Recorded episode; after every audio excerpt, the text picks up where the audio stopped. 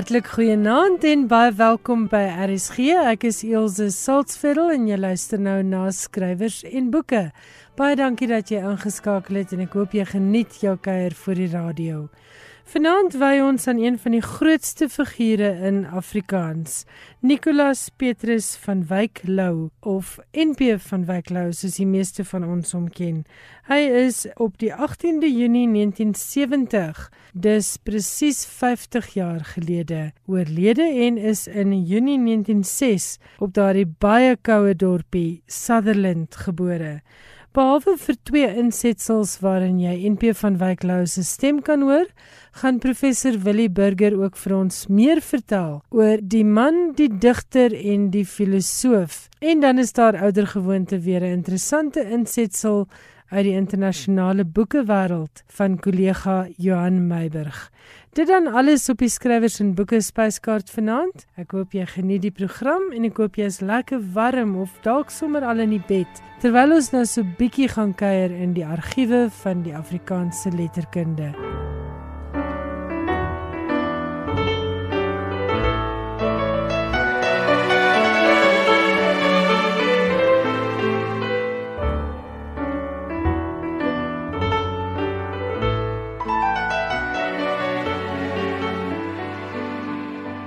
In die eerste gesprek waarna ons nou gaan luister, kan jy die stemme hoor van NP van Wyk Lou en sy ewe bekende letterkundige en digterbroer WEG Lou en hulle gesels met hulle ma. Hierdie gesprek is in 1966 opgeneem. Ek dink die eerste wat uh, mamma vir ons bietjie kan van vertel is van die die Rolveld in die ou dae en die, die familie waar die familie vandaan gekom was, hulle maar Rolveld se mense. Dis nou Sutherland, die Karoo van Sutherland. Ja, die familie was maar omtrent almal van Sutherland. Ja, ons praat ook gisterand oor die kwessie van uh wat daar nou in so 'n huis, dit is nou daar 'n dorpshuis, dit was nou nie op die plaas nie, maar uh, die kinders groot geword het. Wat was daar eintlik te lees in die tyd? O, oh, baie man, ons het Melbrink se boeke almal gehad wat tot groot pret gelees was. En ander boekies maar soos ek sê kinderboeke was by ons heeltemal onbekend in daardie tyd. Onthou jy nog van wat die boek wat papi vir jou gegee die wat was dit van die Hugenote? Nee, die boek Martelaar boek. Martelaar, ja. nee. Martelaars boek. Nou ja, dit was ook al Dit is die hele klomp martelaars van Stefanus af. was ook al 'n groot pret geweest om soms deur te lees en die prente te kyk. Maar weet jy het self 'n uh, paar titels nou die dag genoem. Boeke wat ek gedeeltelik geken het later jare ook wel. Party van hulle al verdwyn het uit die huis. Was hulle eintlik onthou? Die uh, Royal Path of Life. O ja, dit Dit was ons nie veel aan gehad nie behalwe die prentjies. dit was The die first and best poems in the world ja, was versamel baie baie swak goed maar mense darm 'n paar goeies ook daaronder gekry. Die, Die- boek besit ek dan. Ja. besit jy dit? Ja. Maar dan jong van my Nee, hy sou my gegee. Longfellow se verhalende verse of ten minste die alle gedigte en natuurlik dan die verhalende verse eerste. Ek het al gevoel ek moet vir Pieter hulle ook aan Longfellow sit om die om die stories. Uh, dan heel wat stigtelike Nederlandse goed. En daar was 'n reeks wat destyds uitgegee is en die het alger by die huis ingekom. Maar ja, dit is van sendelinge goeies. Jy het gisterand die titel genoem wat ek as kind nie meer onthou nie en wat tog erns in 'n gedig van jou later uitgekom het. Dit is The Conquest of Mexico. O oh ja, Prescott's The Conquest of Mexico. Ja. En daarbij die, ik denk het was Smith se Roman History was twee. waar het jy die boeke gekry? Wat jy gelees? Nou, was daar in die rak. Was in die huis? Ja. Nee, waarom ek dit noem is kyk in die gedig ehm um, Duif en Perd kom daar die tema heeltemal daarin. En nou wonder ek Mommy het nou die dag van my gesê die eerste keer toe sy met die gedig kennis gemaak het, was dit oor die radio geweest. Het uh, Fred Leroux dit gelees. En sy kon haar die eintlik die die die agterplaas baie lewendig voorstel, maar miskien moet sy dit self iets daarvan vertel? Ja, ek toe ek nou die gedig hoorde dit absoluut as 'n prent voor my gekom. Die agterplaas en waar hy sê waar hy op die grus gelê en lees het in die grond gespeel het. Dit is iets wat hy baie graag gedoen het om om kampe te maak en stokkies in te steek en dan glo soldate was of wat dit ook al was, weet ek nie want dit dit was in die tuin het ons sulke plekke gekry.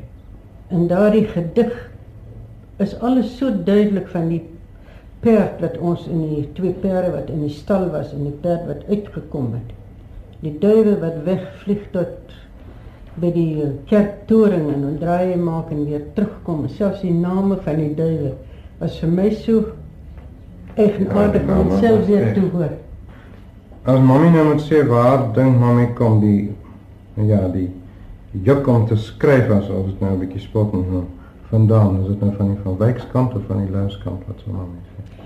Want daar is op die oomblik eintlik 'n oormaak van skrywer. Kyk daar is George ook ja, nou in George begin ook al. in 'n 'n tweede geslag eintlik. Wel pap het altyd gesê dit kom nie van hom af nie. Maar ek het as as jong meisie wel ek moet so 15, 16 gewees het, het ek nog al heel wat gedigte geskrywe in Engels wat ek toe later opgeskeur het. Ek het lank daarvan gehou maar toe die Afrikaans nou so populêr word en julle die Engels nie altyd wil hoor nie, het ek dit maar opgeskeur. Wat ek nou dag vergletst en sê is dat uh ons vader tog 'n besonder kennis van Afrikaans gehad het. Nou nog dikwels seldsame woorde wat ek vir mense en vir die studente kan noem wat ek by hom gehoor het. Hy het op 'n manier oor vir Afrikaans gehad wat vir my byna uitsonderlik is. Ons het altyd in Engels geskrywe vir mekaar tot ons in die stad gewoon het. Is. Papi van die huis af is, dan skryf ons Engels vir mekaar. Tot jy eendag Gladstone Ja. gesê het nee, daardie brief gaan ek nou nie skryf en klaar maak nie. Dit moet nou Afrikaanse brief wees. Wel ek het nooit Afrikaans geleer nie. Alhoewel ek glo in my dae uitstekend goed in Nederlands was. Ek weet my ou onderwyseres by die Good Hope seminary het altyd gedink dat ek so besonderlik goed in Nederlands is. Maar tog in skryf en praat het dit vir ons baie moeilik gewees. Maar oor die taalkwessie, ek die geval reg onthou, kyk ons het eintlik tuis op, eh, op die dorp nooit Engels gepraat nie. En toe ek Kaap toe gegaan het, kon ek nie 'n woord Engels praat nie. Toe kom ek in 'n Engels medium skool maar daar nog 'n Afrikaans medium skool was nie. En toe is ons huistaal verander, neem ek aan as 'n ja, 'n poging om die kinders te, te help. Ja, julle Ja, maar daarteen het ek toe later in opstand gekom, 'n kwessie van 4, 5 jaar later. En dit is ook weer dit is se invloed. En dit is met ander woorde die lys van soetwater om Willem en en om Willie en en daardie mense. En toe het ek teruggekom en gesê nee, dit dit dit, dit kan nie verder so. En toe het ek eendag ek onthou nog baie goed, mamma sit te skryf en ek het gesê nee, daai brief moet met in Afrikaans geskryf word verder. Ek kan nie in Engels, dit gaan nie so. Ja, toe het dit verander. My bekering tot Afrikaans het in die het daarop seks gekom waar ons ook heeltemal geïsoleerd was byna. En ek dink dit was die eerste jaar of die tweede die matriekjaar wat ek absoluut soos 'n 'n bekering eintlik ondergaan het en toe op Gunsfontein die mense begin betig het as hulle Engelse woorde in die gesprek gebruik het. Vir hulle leer sê bioskoop en dergelike dinge wat toe nog nie in hulle taal bekend was. Wyk, watter taal het jy die eerste geskryf? In aanleiding daarvan. Nou die heel eerste Nederlands, Nederlands. Toe Engels, toe Afrikaans. Ons praat nou net nou oor die oor die boeke wat nou in die huis was. Het iemand ooit ingeteken op sê van die van die vroegste tydskrifte? Ek dink nou nie eens so ver terug as eh, die Patriot en ons kleintjie. Maar die Ons brandslag kleintjie, en die- ons kleintjie het Ja. ons te lese gekry by tante Helly Plutte dink ek. Ek glo nie Ja. ons het dit gehad nie, maar sy het vir ons ons kleintjie gelees. Nou kyk die het 1911 as ek reg onthou opgehou. Sy het seker ou nommers gehad want toe 1911 toe was ek 5 jaar oud, maar ek onthou dat sy vir ons baie van ons kleintjie voorgeles het. Onthou jy enige herinnering aan van die oudste Afrikaanse boeke wat jy gelees het? Was daar iets Sê maar uit die tyd van die eerste taalbeweging. Nee, geloof nie. Enige Nederlands behalwe Genoveva wat ons waarskynlik almal. Nou maar juist daardie reeks waarin Genoveva voorkom, daar was 'n hele reeks van die romans tog wat ons gelees het. En dan het die dorpsbiblioteek mos 'n eienaardige versameling Nederlandse goed ook gehad. Willem Tell byvoorbeeld die verhaal. En ek onthou die verskrikking waarmee ek gelees het hoe die Oostenrykers een van die mense se oë uitgesteek het. Die dogtertjie wat buite kan staan en wag, hier kom haar vader terug as sy sien net die twee strolle bloed. Het vir my eenvoudig horries gegee. Maar weet je, Wekker was een baie interessante verzameling daar. Ik was later aan de universiteit in Kaap. Toen ik een keer gekeierd op die plaats en ik ontdek in die dorpsbibliotheek een kas onder. Nou ja, een hele reeks fondo uitgehaald. Dus het was nog niet één zeldzame boek, de eerste of tweede editie. Het was later, 17e eeuwse uitgaven. Maar dingen van die bekende teksten. En tot mijn absolute stomme verbazing, die boek van Janus Kundus, die basis. Ja. Ik weet niet of ik je daar ooit van vertel. Ja, ja. Ik kon nog steeds, weet, dat is een hele fantasie om te denken waar die boek vandaan gekomen wie dit en sy zeker zo samengeneem het uit Holland en dat het ergens in die Noordwesten daar in die dorpsbibliotheek uitgekomen. Herinner je je die eerste of een van die vroegste literaire teksten wat jij gelezen hebt en wat een indruk op jou gemaakt?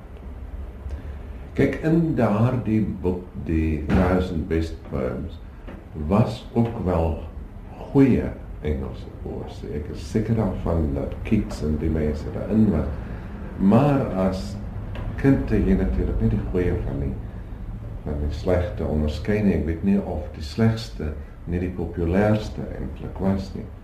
En dan wat in ons huis 'n uh, geweldige betekenis gehad het behalwe die Prescott se Conquest of Mexico was Macaulay se uh, essays wat 'n enorme hoeveelheid uh, historiese kennis geïmpliseer het veral van die 18de eeu dit was nou Macaulay se wêreld literêre kritiek uh beskouings ja vir 'n jong seun is wat nou nie veel gelees het is daardie opstelle byna 'n ensiklopedie van 'n deel van die Europese kultuur.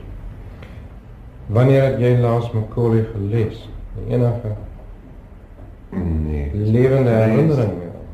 Ek het die goed, ek ken die goed so goed, maar ek twyfel of ek na my 20ste jaar eintlik daarvan. Het jy ook die assosiasie van 'n verskriklike woordrykheid? Jy weet 'n lomryke taal. En dit is Hmm. my assosiasie met hom.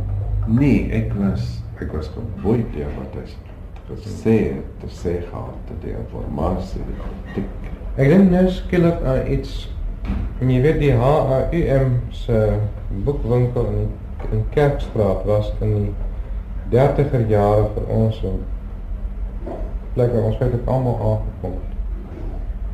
Ehm uh, onthou jy nog enigstens uitvoerig van jou eerste kennismaking met die digters van 1910, die Nederlandse groep Ek het 'n uh, een baie heldere herinnering daarvan, maar ik weet niet of dit zo accuraat is nie. is fantaseer eintlik een beetje daarbij. Ik verbeel mij dat ik eendag ingegaan het. Ons het toen nog niet voor Gerrit Bakker zo goed gekend, maar een beetje onwennig en zo een boekwinkel. Maar eh, ik moest toch al bij die 30 wanneer kon het geweest Dus van 1931 32. Oh nee, ja, nou, dan 35. Nee, 425. Uh, eh, wat ik toen gegaan heb, en ik was dus kalm om rechter te zeggen, ik wil dichtbundels. Hè. Toen zei ik, ik moet voor iemand een, een verjaardag present geven. En dat ik toegekoppeld Bloems Het Verlangen, Albert Benaars Opstand en roggen, dat dan niet zo wat nou anders is, niet. Jy het ook nog niet gekend. en daar het ons toe saam met ons vriende as dit ware 'n nuwe wêreld gesien. Op daardie stadium uh het ons aan die universiteit as ek reg onthou uh niks van die literatuur na 1900 gekry nie. Maar ons het toe 'n keer in 'n opvoering gegee in die klein teater wat die eerste Afrikaanse opvoering daar was en die opbrengsel was 'n kwessie van 30 pond of so.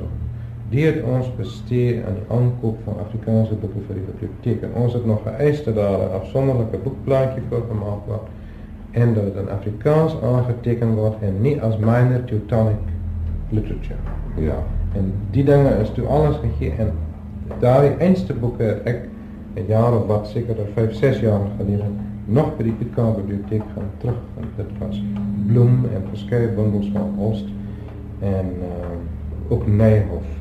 Het jy nog enige ander herinneringe aan die UK tyd, of as studente-tyd? Het jy ooit iets in 'n in 'n uh, kwartaalblad gepubliseer? Wat was van jou eerste publikasies?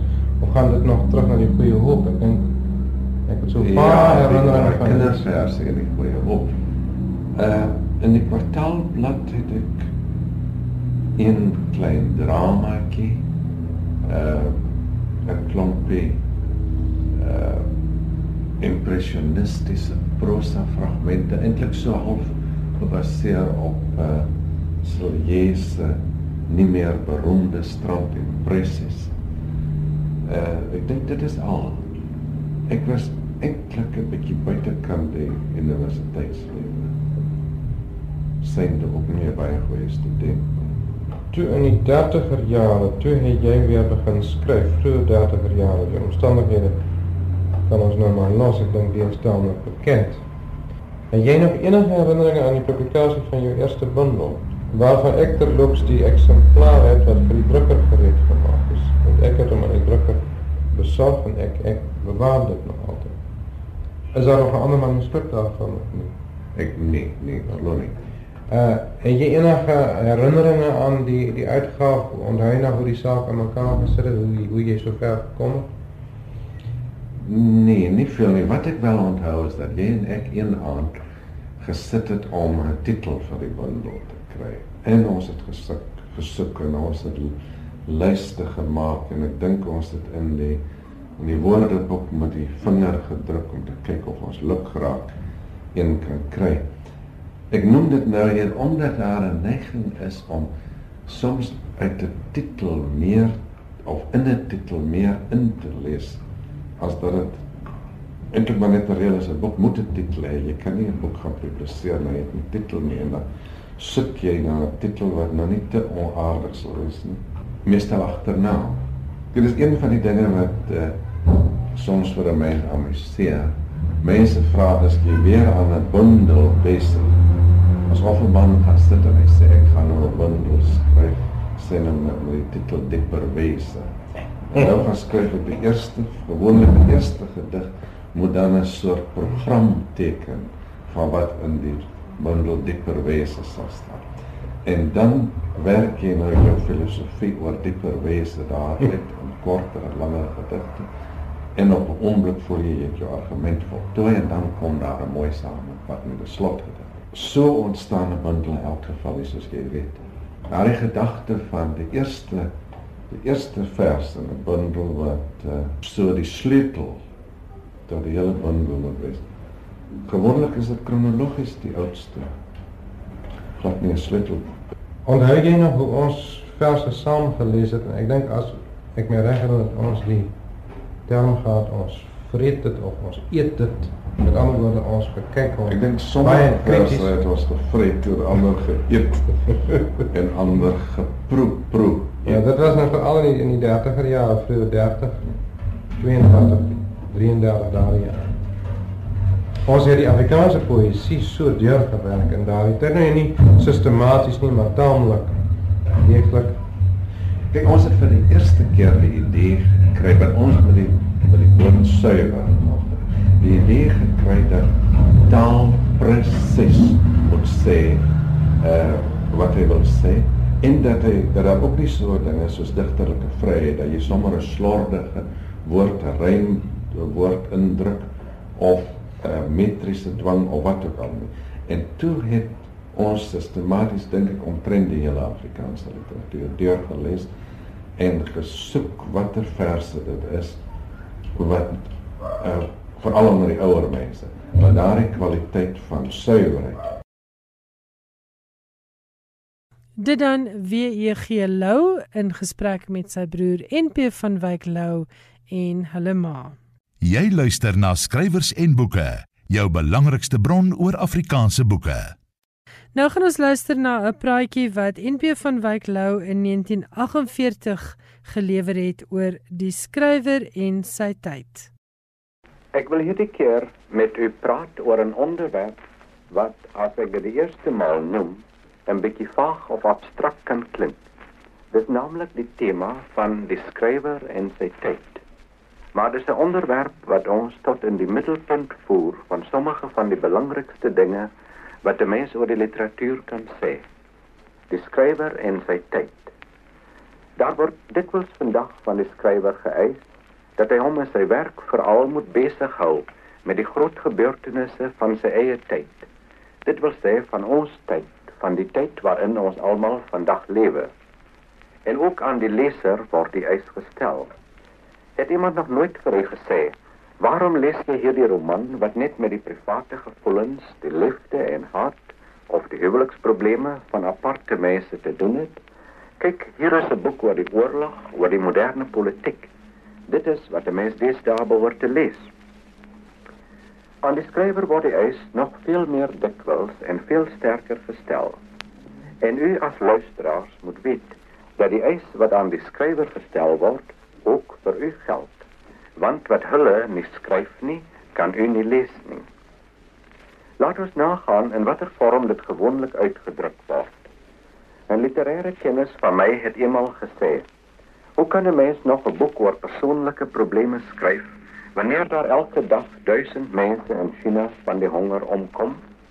Dit was voor die Tweede Wêreldoorlog waarin en waarna die ellende nog hoër sou styg. En 'n kritikus in Suid-Afrika het 'n keer ongeveer dit gesê. Hoe kan die digters hulle vandag met persoonlike gevoelens besig hou wanneer 'n volk om brood roep? Altyd sit die volgende gedagte agter sulke uitlatings. Die lewe van 'n enkele mens is klein in vergelyking met die lewe van duisende van hele volke. As 'n mens dit so stel, lyk dit miskien vir u vanselfsprekend. Maar ons moet ons nie deur die ha deur 'n handige manier van uitdrukking laat vang nie. Bekyk dit net 'n oomblik van 'n ander kant. Dink net daaraan dat selfs 'n groot volk nie 'n gevoelslewe het nie, maar dat dit bestaan uit aparte enkele mense wat elkeen die gevoelens van 'n enkele mens het. Dan is ons dadelik weer by die persoonlike lewe terug. En wanneer ons nadink oor die uitwissing van 'n groot stad deur bomme of die ondergang van 'n volk van die honger, is dit nie juis weer aan die aparte mense wat ons moet nie, aan 'n aan 'n kind in 'n brandende huis waar die ouers getref en dood lê aan die aparte sterwende oor van hongerleiers. Ons moet ons nie so maklik deur getalle laat verlei nie. En die skrywer mag hom allermins deur getalle en miljoene laat verlei. Hy het met aparte mense se persoonlike lewens te doen. Ek wil net maar net daaraan herinner wie dit in die Bybel was wat gesê het: Dit is goed dat een man vir die volk sterwe. Die groot godsdienste het nog altyd die gedagte bewaar dat die lewe van die enkele mens 'n onberekenbare waarde het. Maar iemand sal nou dadelik wel tussen beide kom en sê dat ek die probleem verskuif het en glad nie op die enkelike saak ingaan nie. Hy sal beweer dat ek juis die oorheersende betekenis van die groot tydsgebeurtenisse beklemtoon deur op die lyding van enkeles wat daardeur veroorsaak word te wys. En hy sal gelyk hê Ek wil met hierdie eerste redenering alleen die grofste vorm van die verkeerde denkwyse oor die literatuur afwys. Die vorm wat min dat die betekenis van feite lê in die groot getalle wat daardeur getref word. Ons gaan dus voort. Die eis word aan die skrywer gestel dat hy hom veral moet besig hou met die groot bewegings en gebeurtenisse van ons tyd wat die lot van miljoene enkelinge beslis. Verdigter en romanskrywer, so word beweer, word hulle stof deur hierdie gebeurtenisse aangegee en voorgeskryf. En 'n kunswerk wat nie hierdie temas tot onderwerp het nie, is iets van die verlede, 'n vlug uit die werklikheid, die benoude gedoentes of die onwerklike spel van mense wat nie opgewasse is hulle eie tyd nie. En deur hierdie eis en hierdie bewering word natuurlik die belangstelling ook van die leser vir hom voorgeskryf.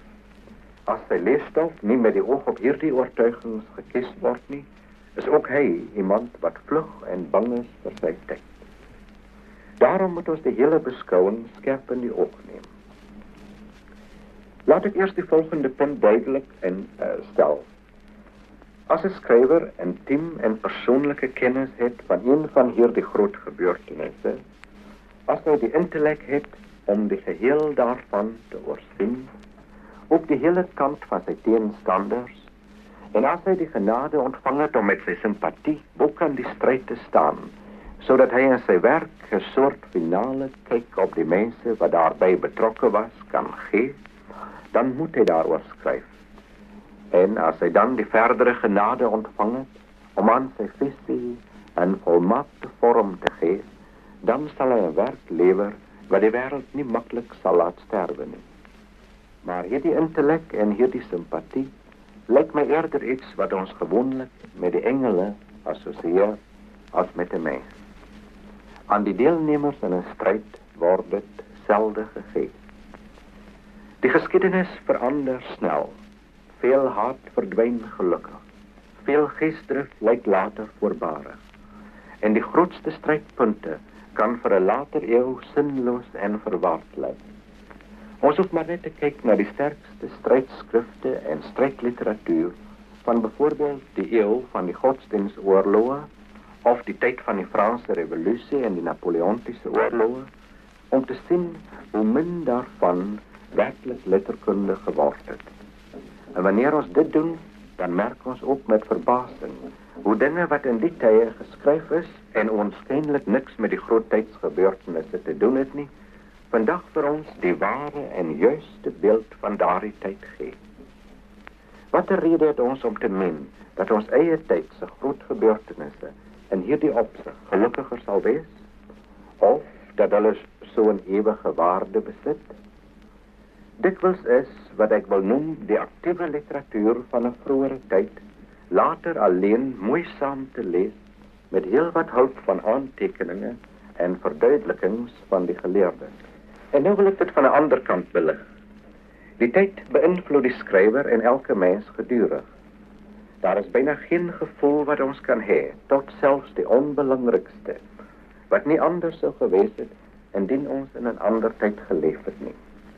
Dus of ons dit wil of nie, word ons elkeen elke dag deur ons eie tyd gevorm. En dit geld natuurlik ook van die skrywer. En alles wat hy skryf tot selfs die heel persoonlikste dinge druk hy sy eie tyd uit. Die vernaamste wat hy dan moet doen is om te kyk of hy nie kan voorkom dat hy bloed en redeloos opgaan in die eie stukkie tyd waarin hy toevallig gebore is. Hy moet eerder daarna streef om hom in 'n klein mate los te maak van sy eie tyd. Om te kan insien dat ander tye ewig ewig kragtig en groot as sy eie was dat die mens nie 'n suiwer toevallige ding is wat sonder kennis en sonder herinnering 60 of 70 jaar verskyn en dan weer verdwyn soos die naamlose geslagte van die diere nie. Die eie tyd druk van self al so op die mens dat hy eerder moet probeer om dit effens op 'n afstand te stel. Hy mag hom nie geheel daaraan oorgee nie of die fout begaan om te meen dat dit noodwendig die grootste, die interessantste en die hoogtepunt van alle gebeurtenisse is nie.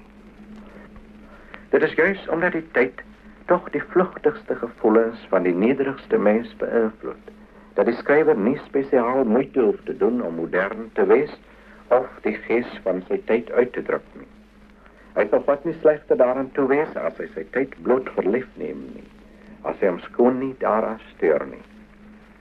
'n Paar dinge kan hy wel doen, Hy kan oppas dat hy nie in een of ander romantiese stemming verval om te meen dat ander tye soveel mooier, soveel plesieriger sou gewees het om in te leef nie. Dit sou 'n ware vlug wees, maar 'n nuttelose poging om te vlug Want selfs sy romantiese verlange na die verlede of die toekoms sal 'n uiting van sy eie tyd wees. Hoe kan hy net soos elke gewone mens nuuskierig wees na sy eie tyd, dit bestudeer, alles daarvan te weet probeer kom wat binne sy bereik mag val?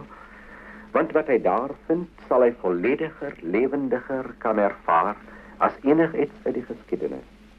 Maar dit sou onnodige beperking van sy insig wees om hom tot sy eie tyd te bepaal. Ook in ander tye sal hy sy enkelike onderwerp, die mens, vind. Volledig, vreemd, boeiend, vol hartstocht, dwaasheid, goedheid, net wat hy wil. Sy werk sal wees om in die hele lewe iets blywends te vind wat die voorwerp van sy kuns sal word.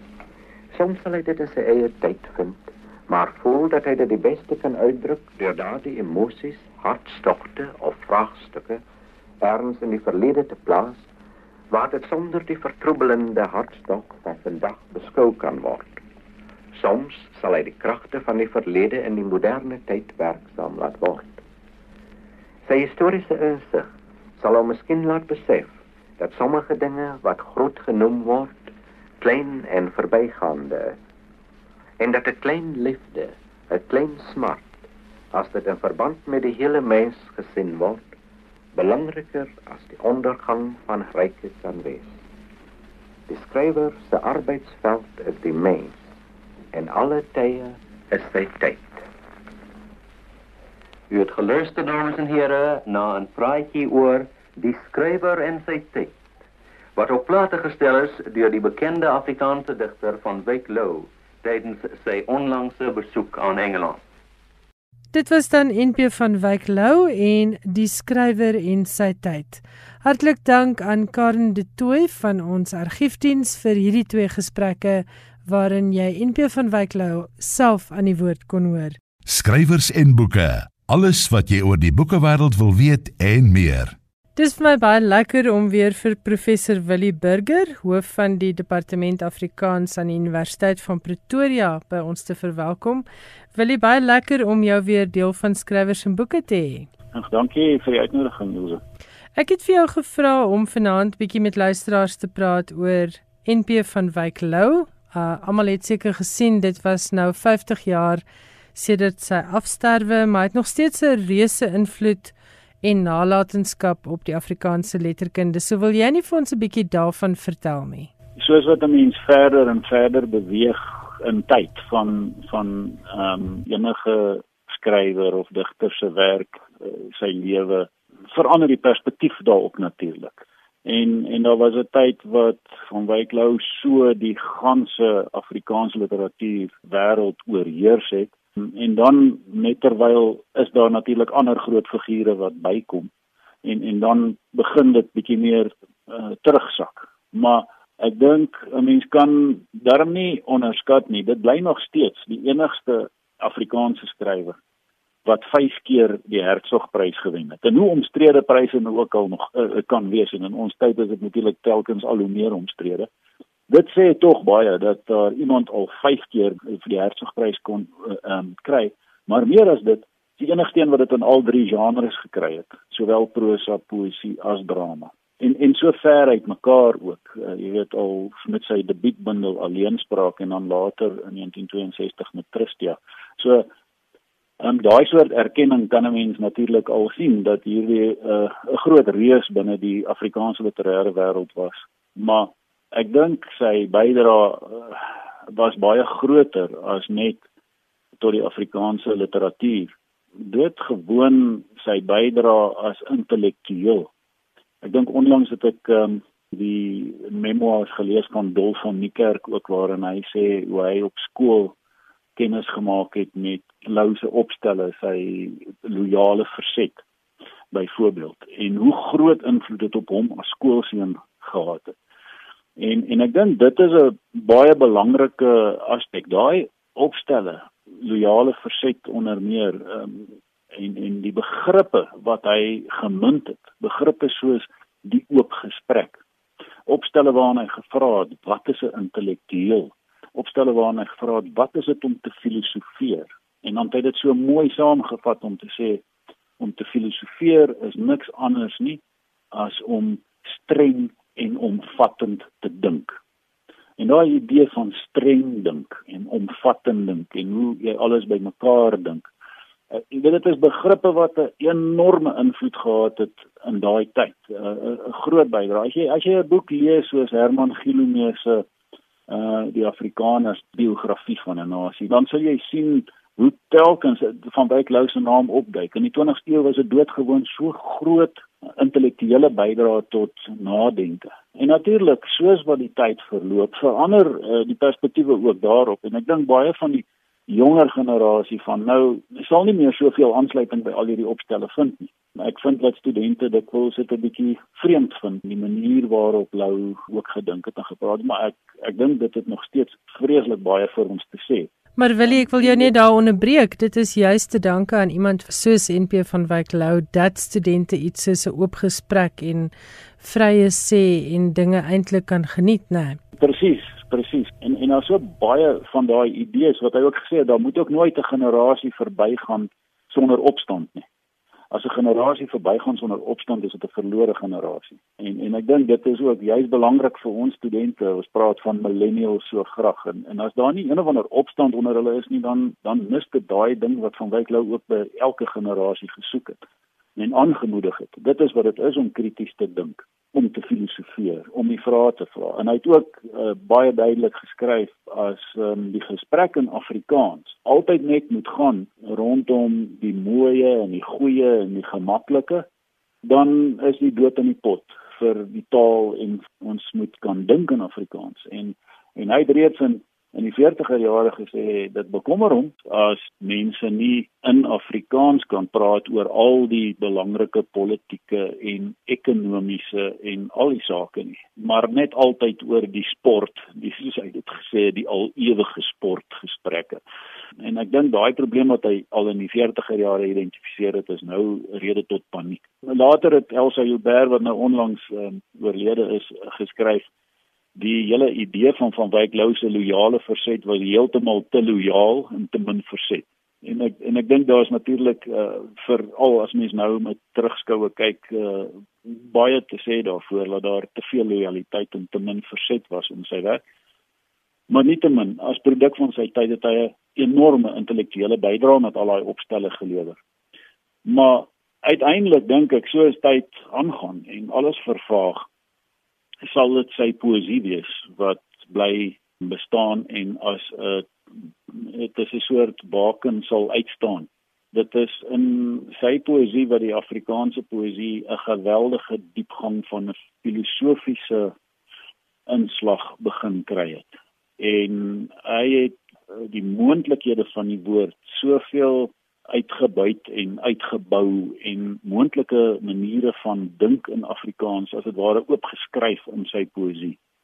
Ehm um, filosofies maar ook poëties en ek dink uiteindelik is sy poetikale bydrae baie wyer as 'n bydrae tot die Afrikaanse literatuur. Ek dink sy poësie is 'n bydrae tot literatuur, tot die poësie en ek dink ook dit is belangrik. Ehm um, dit is gaan nie vir my net dat hy 'n bydrae gelewer het tot Afrikaanse poësie nie, maar hy het bydrae gelewer tot die poësie as 'n menslike uh, uiting, 'n menslike vasvang van die werklikheid op bepaalde maniere in woorde, hoe verglippend dan ook wat hy waarvan hy self so bewus was as hy skryf uh, iets staan in sterre en helder te geskryf en ek skryf na in stof weet daai bewustheid dat ons maar in stof naskryf is so sterk en ek dink dis daai bydrae wat so groot is. Gerrit Olivier het destyds uh, sy proefskrif geskryf oor van Wyk Lou en heel krities ook geskryf oor Lou se opmerkings uh, wat miskien as antisemities geïnterpreteer kon word en te nasionalisties en te nou verbonde met met die met die met die regering van destyds maar jare later het het Gerrit Olivier ook 'n lesing gegee die van Wyk Lou gedenklesing by die Universiteit van Johannesburg. En daai dag het hy en ek dink 'n kragtoer wat hy daai lesing gegee het het hy ook die erkenning gegee daaraan. As 'n mens doodgewoon na sy poësie gaan kyk dan kan jy sien hoe dat hy in sy poësie gereik het ver verby dit wat hy agterna in in prosa kon skryf. En 'n bewustheid in sy poësie van Ek wil sê dit wat in die intellektuele lewe sedert die 1970 80 90s al hoe sterker na vore getree het, getree het 'n bewustheid van wat ons self sou kon noem postmodernisme of die na die talige wending die linguistic turn waarna dit was verwys word. Sy poësie het reeds in die 50er, 60er jare daarmee geworstel, was daarmee besig op 'n manier wat eintlik ander maniere van dink en moontlikhede oopgemaak het en en daarom dink ek is sy bydra baie groot. Dan as jy nie net daarna gaan kyk sy eie poësie nie, maar hoe dit sy poësie ook telkens weer deurklink in die poësie van jonger digters na hom. Uh, ek dink dis een van die sterk goed waaraan 'n uh, ou moet dink en of digters na 'n groot digter um, teen hom inskryf of hulle hom naboots of hulle hom verwerp deur om te parodieer of wat ook al uh, wys dit nog steeds die groot invloed. En en 'n mens sien iets daarvan al is dit in 'n parodie en 'n verwerping 'n trap op van Wyk Lou om elders te kom in in die werk van Ronelda Kamfer of in in Wielkel se werk. Jy jy, jy sien dit daar.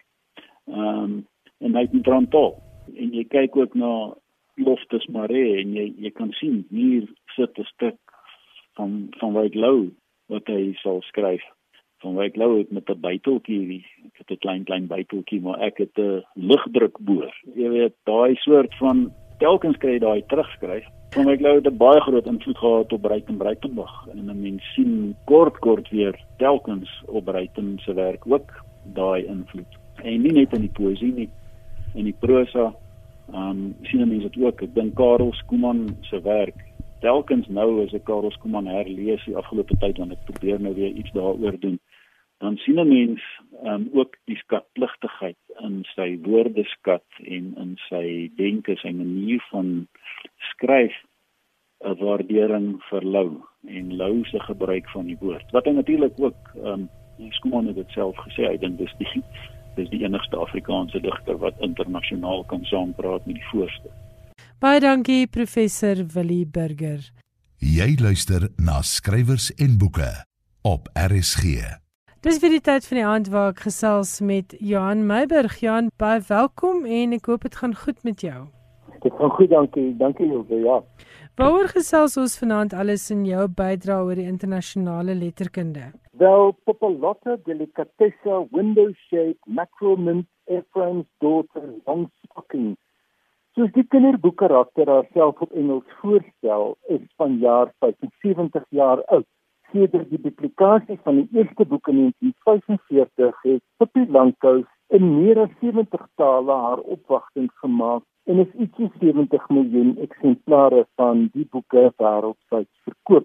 Astrid Lindgren, die Sweedse skrywer, het in 1941 vir haar dogtertjie Karen, wat toe in die bed siek was, stories te lees. Toe die kind vra vir 'n storie oor Pippi Langkous, die naam waarmee Karen vorendag gekom het, het Lindgren 'n rooi kop met spoete en twee stywe vlagvoels opgetower, 'n kind wie se ma 'n engel is wie se pa die koning van die Suidersee is en wat woon in 'n huis met die naam Delacula saam met meneer Nielsen die Apie en 'n perd. 3 jaar later het Lindgren haar stories neergeskryf gehad en vir 'n uitgewer gestuur. Die uitgewer het nie lank gevat om haar te laat weet die stories is nie geskik vir publikasie nie. Sy het aan haar skryfwerk geskaaf en in 1945 'n manuskrip voorgelê vir 'n kompetisie gewen en dit was die begin van Pippi Lankhous in boekvorm. Daar was aanvanklik fronse oor die geskiktheid van Pippi Lankhous as rolmodel vir kinders. Geen normale kind eet 'n hele roomkoek op of loop kaalvoet op suiker nie, is aangevoer. Lindgren se taalgebruik is gekritiseer en aan die karakter van Pippi is woorde gekoppel soos abnormaal en patologies. Nietemin het Pippi al die kritiek oorleef en van Lindgren 'n gevierde skrywer gemaak. Sy is in 2002 op 95 dood. In 1975 het 'n vertaling van Nerina Ferrara met illustrasies van Karl Hollander by en Rousseau verskyn. Die boek het verskeie drukke beleef en 'n paar jaar gelede het die Pippi Lankhuis Omnibus ook by en Rousseau verskyn. Terwyl ons by verjaardag is, die einde van die maand word die verjaardag gevier van nog 'n karakter. Harry Potter word op 31 Julie 40. 'n Verjaardag wat hy deel met J.K. Rowling, die skrywer van die Harry Potter boeke. In The Philosopher's Stone, die eerste Harry Potter boek wat in 1997 verskyn het, verwys Harry teen die einde van sy eerste week by Hogwarts na 'n voorval wat plaasgevind het op dieselfde dag as sy verjaardag en dan gee hy die datum 31 Julie. Dan is daar ook nuus oor 'n nuwe boek uit die pen van Elif Shafak. Dis reg, volgende maand verskyn 'n nuwe boek van die Turks Britse skrywer Elise Fak was verlede jaar op die Booker kortlys met haar roman 10 minutes 58 seconds in this strange world haar 11de roman Die jongste Shafak is egter nie fiksie 'n boek wat heet How to Stay Sane in an Age of Division Dis 'n boek waarin die skrywer besin oor ons eeu van pessimisme en oor die manier waarop emosie ons lei en mislei en oor die manier waarop onjuiste inligting en vrees die norm word. In 'n wêreld wat besig is om uitmekaar te val, gaan Delf Shafak vir die krag wat daarin stories lê en toon sy aan hoe skryf nie net verdraagsaamheid kan koester nie, maar ook demokratiese oortuigings kan versterk. Die boek gee aandag aan vrae soos wat kan 'n mens doen om optimisme te behou? Hoe troetel ons hoop, vertroue en geloof in iets beters? En hoe kan ons oopkop bly in 'n wêreld van verdeeldheid? Felicia Fox se How to Stay Sane in an Age of Division word uitgegee deur Welcome Collection. Ek kan eintlik nie dink aan 'n meer gepaste tyd vir so 'n boek om te verskyn nie, of hoe Johan? Ja, gewis, né? Dan het jy iets oor die skrywer Ali Smith. Die Engelse skrywer Alice Smith het by die verskyning van Spring, die derde boek in haar seisoene kwartet, verwys na haar nik om met die vinger op die pols te skryf om rekenskap te gee van die jongste politieke verwikkelings in haar roman. Sy het in die opsig verwys na die varsheid waarmee haar Victoriaanse voorganger Charles Dickens geskryf het na die novel as aanduiding van wat nie is. Halfpad hierdie storie het Dickens nog besluit oor die storie. Dit is wat novel beteken, het Smith gesê. Wat dit kan doen, waarvoor dit geskryf is en wat dit wil doen. Van dese maand verskyn Smith se laaste aflewering in die seasonal quartet Summer. In die roman is dit politiek met name die doodsnikke van Brexit wat as agtergrond dien. Penguin, die uitgewer, beskryf Summer so: Op die oomblik weet Sasha die wêreld is in die moeilikheid. Haar broer Robert is die ene probleem. Haar ma en pa het probleme. En terselfdertyd is die wêreld aan uitbraai. Die volle impak voel mense nog nie eens nie. Vroeger was somer so 'n wonderlike seisoen. 'n Ander broer en suster wat nou weet, hulle leef op geleende tyd. Dis die verhaal van mense op die randjie van groot verandering. Somme van Alice Smith sal dalk eers 'n rap later hier te lande beskikbaar wees. Dankie Johan, altyd baie lekker om na jou te luister. Dis ongelukkig alwaarvoor ons vanaand tyd het in skrywers en boeke. Baie dankie dat jy saam geluister het. Ek is volgende Woensdag aand om 8uur weer terug met nog 'n uitsending van skrywers en boeke en ek maak so lank 'n bietjie voorbrand vir my nuwe program van boek tot silwerdoek wat op die 9de Julie begin uitsaai en gereelde skrywers en boeke luisteraars sal weet dat ek al in die verlede in hierdie program gesels het oor boeke wat rolprente geword het. Nou ja, nou gaan ons 'n bietjie uitbrei op daardie tema en jy kan ook luister na lieflike rolprent musiek. Dankie dat jy saam met ons voor die radio gekuier het. Ek hoop jy is lekker warm en dat jy 'n stapel heerlike leesgoed het vir die week wat voorlê totdat ons weer saam kuier volgende woensdag aand om 8uur. Tot dan, totsiens.